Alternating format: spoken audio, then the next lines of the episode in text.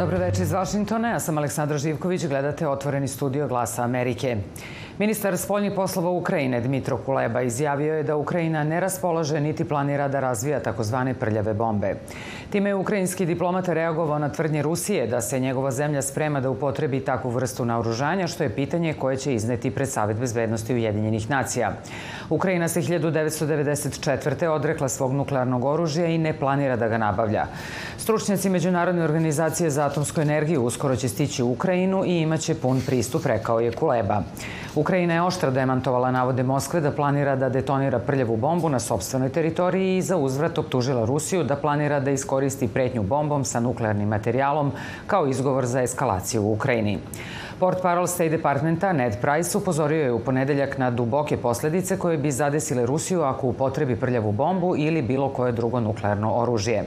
Generalni sekretar NATO-a Jens Stoltenberg izjavio je u ponedeljak da su saveznici u NATO-u odbacili tvrdnje Rusije da se Ukrajina sprema da upotrebi prljavu bombu na sobstvenoj teritoriji i dodao da Rusija to ne sme da koristi kao izgovor za eskalaciju.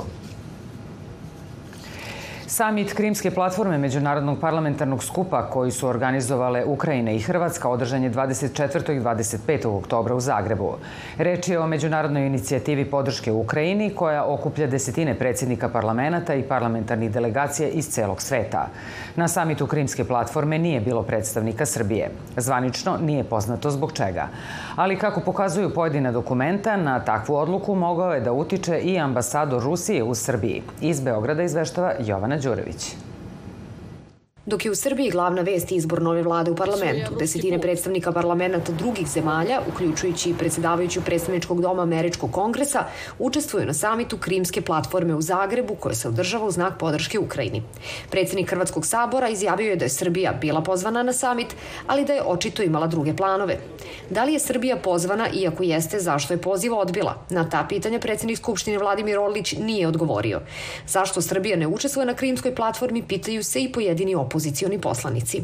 Poslao sam e-mail predsedniku parlamenta Orliću i e, na odboru za spoljnu politiku pitao sam zašto nema poziva za krimsku platformu koja se održava juče i danas u Zagrebu, gde je 500 zvanica, 40 zemalja i tako dalje, jer je to interparlamentarna, parlamentarni savjet.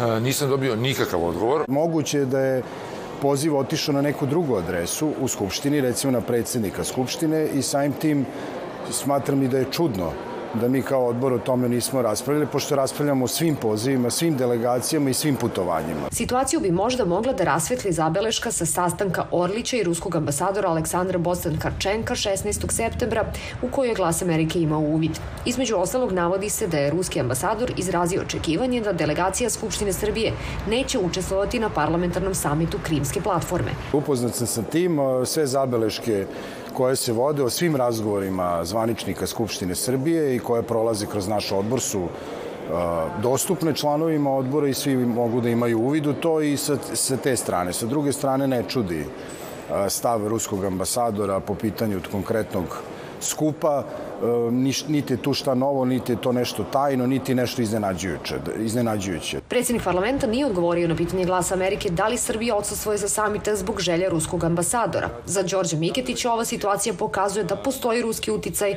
koji u Srbiji prolazi ispod radara. Stalno govorimo o pritiscima koji dolaze iz Brisela, iz Vašingtona, sa zapada. Tu smo mnogo glasniji. A kada pričamo o uticajima, pogotovo ovim ispod radara uticajima koji dolaze iz Moskve, mi o tome mnogo ne znamo i evo, iz ovog razloga jer se upravo kriju. I to je užasno veliki problem. Znači, mi smo za transparentno vođenje. Ako je ova zemlja odlučila da ide u Evropsku uniju, ako je ova zemlja odlučila da treba da se poštuje međunarodno pravo i da nema pravo na secesiju, odnosno da nema pravo da se neki anektira bilo koji deo teritorije, jer mi lično imamo kao e, država problem sa tim, zašto je bio problem da imamo takav stav i prema državi i Ukrajini? Odsustvo Srbije sa samita u Zagrebu bilo je tema i odbora za spoljne poslove koji je sednicu održao u isto vreme kada je u velikoj sali trajala rasprava o novoj vladi Srbije. Za glas Amerike iz Beograda Jovana Đurović.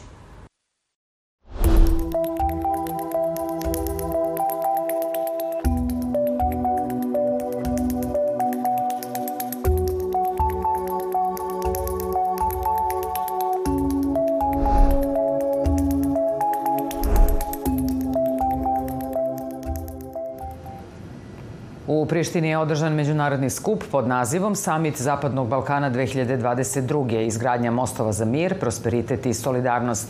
Bilo je reči o ratu u Ukrajini, energetskoj krizi i povećanju cena koje svet vode u krizu. Izveštava Budimir Ničić. Premijer Kosova Aljbin Kurti rekao je na prvom panelu čija je tema bila uklanjanje barijera za održivi rast, prosperitet i stabilnost za Zapadni Balkan, da je ključ za postizanje održivog rasta, prosperiteta, stabilnosti i mira ne samo na Zapadnom Balkanu, već i šire, demokratija – Kosovo je prema njegovim rečima primer za to. Pod demokratijom mislim konkretno na uspostavljanje i unapređenje demokratskih država koje dobro funkcionišu i solidarnost među takvim državama. Naša vlada je stupila na dužnost 22. marta 2021. godine sa odlučujućom narodnom većinom. Samo godinu i po kasnije već smo pokazali da demokratija i ekonomski napredak idu ruku pod ruku. Naravno, od suštinskog značaja za demokratiju je blisko povezan princip vladavine prava. Demokratska vlada, da pozajmim reči Johna Adamsa, je vlada vlada zakona, a ne ljudi. Američki ambasador na Kosovu Jeffrey Hovenier rekao je da je cilj Sjedinjenih američkih država da zemlje Zapadnog Balkana ne ostanu van Evrope. Our policies and priorities fit into this vision Naši prioriteti za ovaj region su mir i prosperitet. Ova vizija nije nova. Rekao bih da je još i hitnije u kontekstu Putinove brutalne, neopravdane, nehumane invazije na Ukrajinu. Ta vizija nije samo naša, to je evropska i naših partnera, tako da najveći prioritet za Zapadni Balkan jeste da ga podržimo u procesu evropskih integracija. Bivši predsednik Evropskog parlamenta Martin Schulz rekao je da se nakon rata u Ukrajini geopolitička situacija u svetu promenila i da je Evropska unija podeljena. Šta god je na stolu, šta god je na dnevnom redu, Evropska unija je podeljena ili okleva ili odlaže neophodne odluke, a to je u mojim očima trenutno katastrofa, jer ostali delovi ovog multipolarnog sveta su ubeđeniji, odlučniji i aktivniji u svom pravcu, što je gledano mojim očima pogrešan smer. Na samitu Zapadni Balkan 2022. organizacije ekonomista i kancelarije premijera Kosova učestvovali su i brojni drugi predstavnici domaćih i međunarodnih institucija i organizacija. Zaglas Amerike iz Prištine, Budimir Ničić. Na Kosovu za šest dana ističe rok za preregistraciju vozila sa srpskih na kosovske RKS tablice, a do sada je prema podacima kosovskog MUPA samo 15 Srba izvršilo preregistraciju. Iako su pojedini američki i evropski zvaničnici vladi predložili da produži rok za još 10 meseci, premijer Kosova Albin Kurti rekao je da neće biti pomeranje roka. O preregistraciji vozila danas je bilo reči na debati u Medija centru u Čaglavici. Još jednom Budimir Ničić. Rok za preregistraciju vozila čije tablice izdaje MUP Srbija koje nose oznake kosovskih gradova na RKS tablice ističe 31. oktobra. Međutim, prema rečima direktora nevladine organizacije Aktivi Severne Mitrovice Miodraga Milićevića, čak i ako bi Srbi sa severa Kosova pristali da preregistruju svoja vozila, to u ovom trenutku ne bi bilo moguće. Nije moguće iz prostog razloga zato što imamo 9000 vozila, Imamo nedovoljan kapacitet centara za registraciju na severu Kosova koje naprosto ne mogu da odgovore na potrebe a, tolikog broja vozila. Broj 2. Imamo birokratsko, administrativno birokratske a, prepreke koje ne mogućavaju ljude da registruju svoje vozila, a svi koji su ovde to mogu i da potvrde. Ne, mogu, ne možete registrovati auto bez validne vozačke dozvole i bez validne lične karte kosovske. Bivši zamenik premijera Kosova Branimir Stojanović smatra da bi vlada Kosova trebalo da produži rok za preregistraciju vozila. Ja mislim da bi bilo sasvim racionalno i razumno produžiti ovaj rok iz samo jednog jednostavnog razloga. To je da se ponovo obnovi dijalog u Briselu.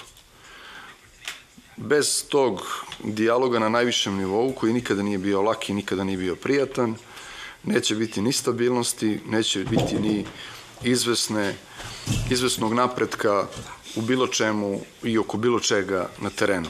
Aleksandar Arsenijević, lider građanske inicijative Srpski opstanak, uveren je da će vlada Kosova poslušati savete američkih i evropskih zvaničnika i da će produžiti rok za preregistraciju. Ono što Amerika kaže uglavnom je bilo amin za vladu u Prištini. E, i mislim da će i mislim da će e, doći do toga i da je dobro da dođe do tog produžetka jer taj produžetak nam ostavlja prostora za dogovor i punu implementaciju S druge strane, analitičar iz Prištine Aljbino Tmaljoku mišljenja je da vlada Kosova ne treba da odlaže niti daje novi rok za preregistraciju vozila. Vlada Kosova ne treba da produži rok, nego ono što sam malo prije rekao, da olakšice. A to olakšice su povezane sa e, financijama i sa ostalim birokratskim olakšicama koje bi pobrzale e, proces. I ovo što kažem baziram na iskustva koje smo imali sa ovom epizodom, kao što je već nazvano nekoliko puta, e, znači e, jednoj epizodi mora dati tačku da bi imali vremena i prostora i za druge ovaj jako bitne epizode koji su od interesa za građane. Debatu na temu preregistracije vozila tehničko ili statusno pitanje organizovao je Medije centar u Čaglavici uz podršku Kancelarije za zajednice pri kabinetu premijera Kosova. Zaglas Amerike iz Prištine, Budimir Ničić.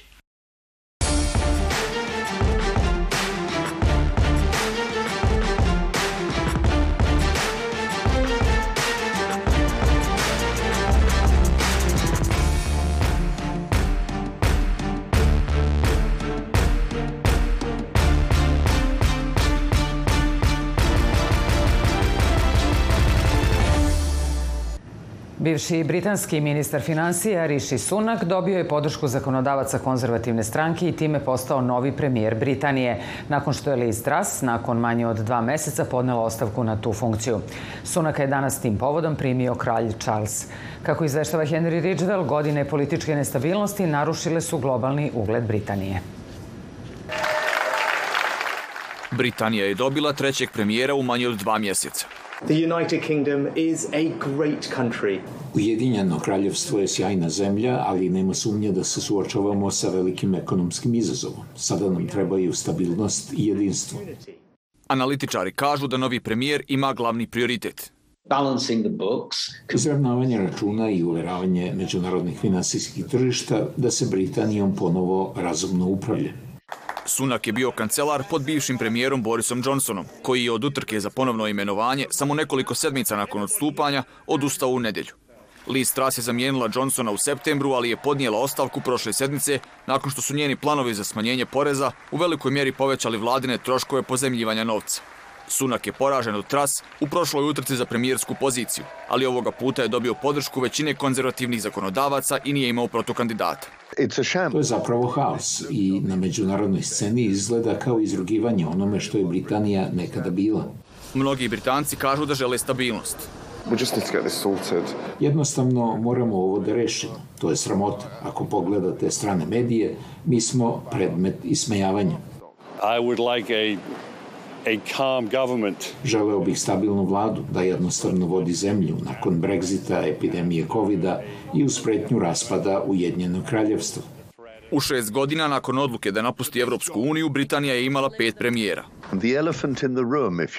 Odluka o Brexitu je očigledno neizostavan deo čitave ove priče posebno tokom proteklih nekoliko meseci političkih previranja, ali se to uvek stavljalo u drugi plan, prvo zbog covid a onda i zbog rata u Ukrajini, koji su preuzeli naslovne stranice. Napuštanje Evropske unije je zaista naštetilo britanskoj ekonomiji. Britanija je odmah iza Sjedinjenih država po količini vojne pomoći Ukrajini. Nastavak toga je ključan za obnavljanje globalnog imidža Britanije, kaže ovaj analitičar supporting Ukraine and, and, uh... Podržavanje Ukrajine i davanje sve pomoći koja im je potrebna, kako bismo se pobrinuli da ne izgube ovaj rat sa Rusijom. Drugo, rekao bih da se moraju popraviti odnosi sa ostatkom Evropske unije. With the rest of the European Union. Uz inflaciju od oko 10% te predviđanjima za ulazak u recesiju, Sunak neće imati mnogo vremena za navikavanje na posao. Poštovani gledalci, na kraju emisije želimo da vas obavestimo da će poslednje izdanje Otvorenog studija biti emitovano u petak 28. oktobra. Hvala vam što ste bili sa nama svih ovih godina. Naše i priloge naših dopisnika iz Srbije, Crne Gore i sa Kosova i dalje možete da gledate i čitate na našoj web stranici glasamerike.net i društvenim mrežama Facebooku, Twitteru, Instagramu i YouTubeu. To bi bilo sve za večeras. Ja sam Aleksandra Živković. Želim vam prijetno večer i laku noć.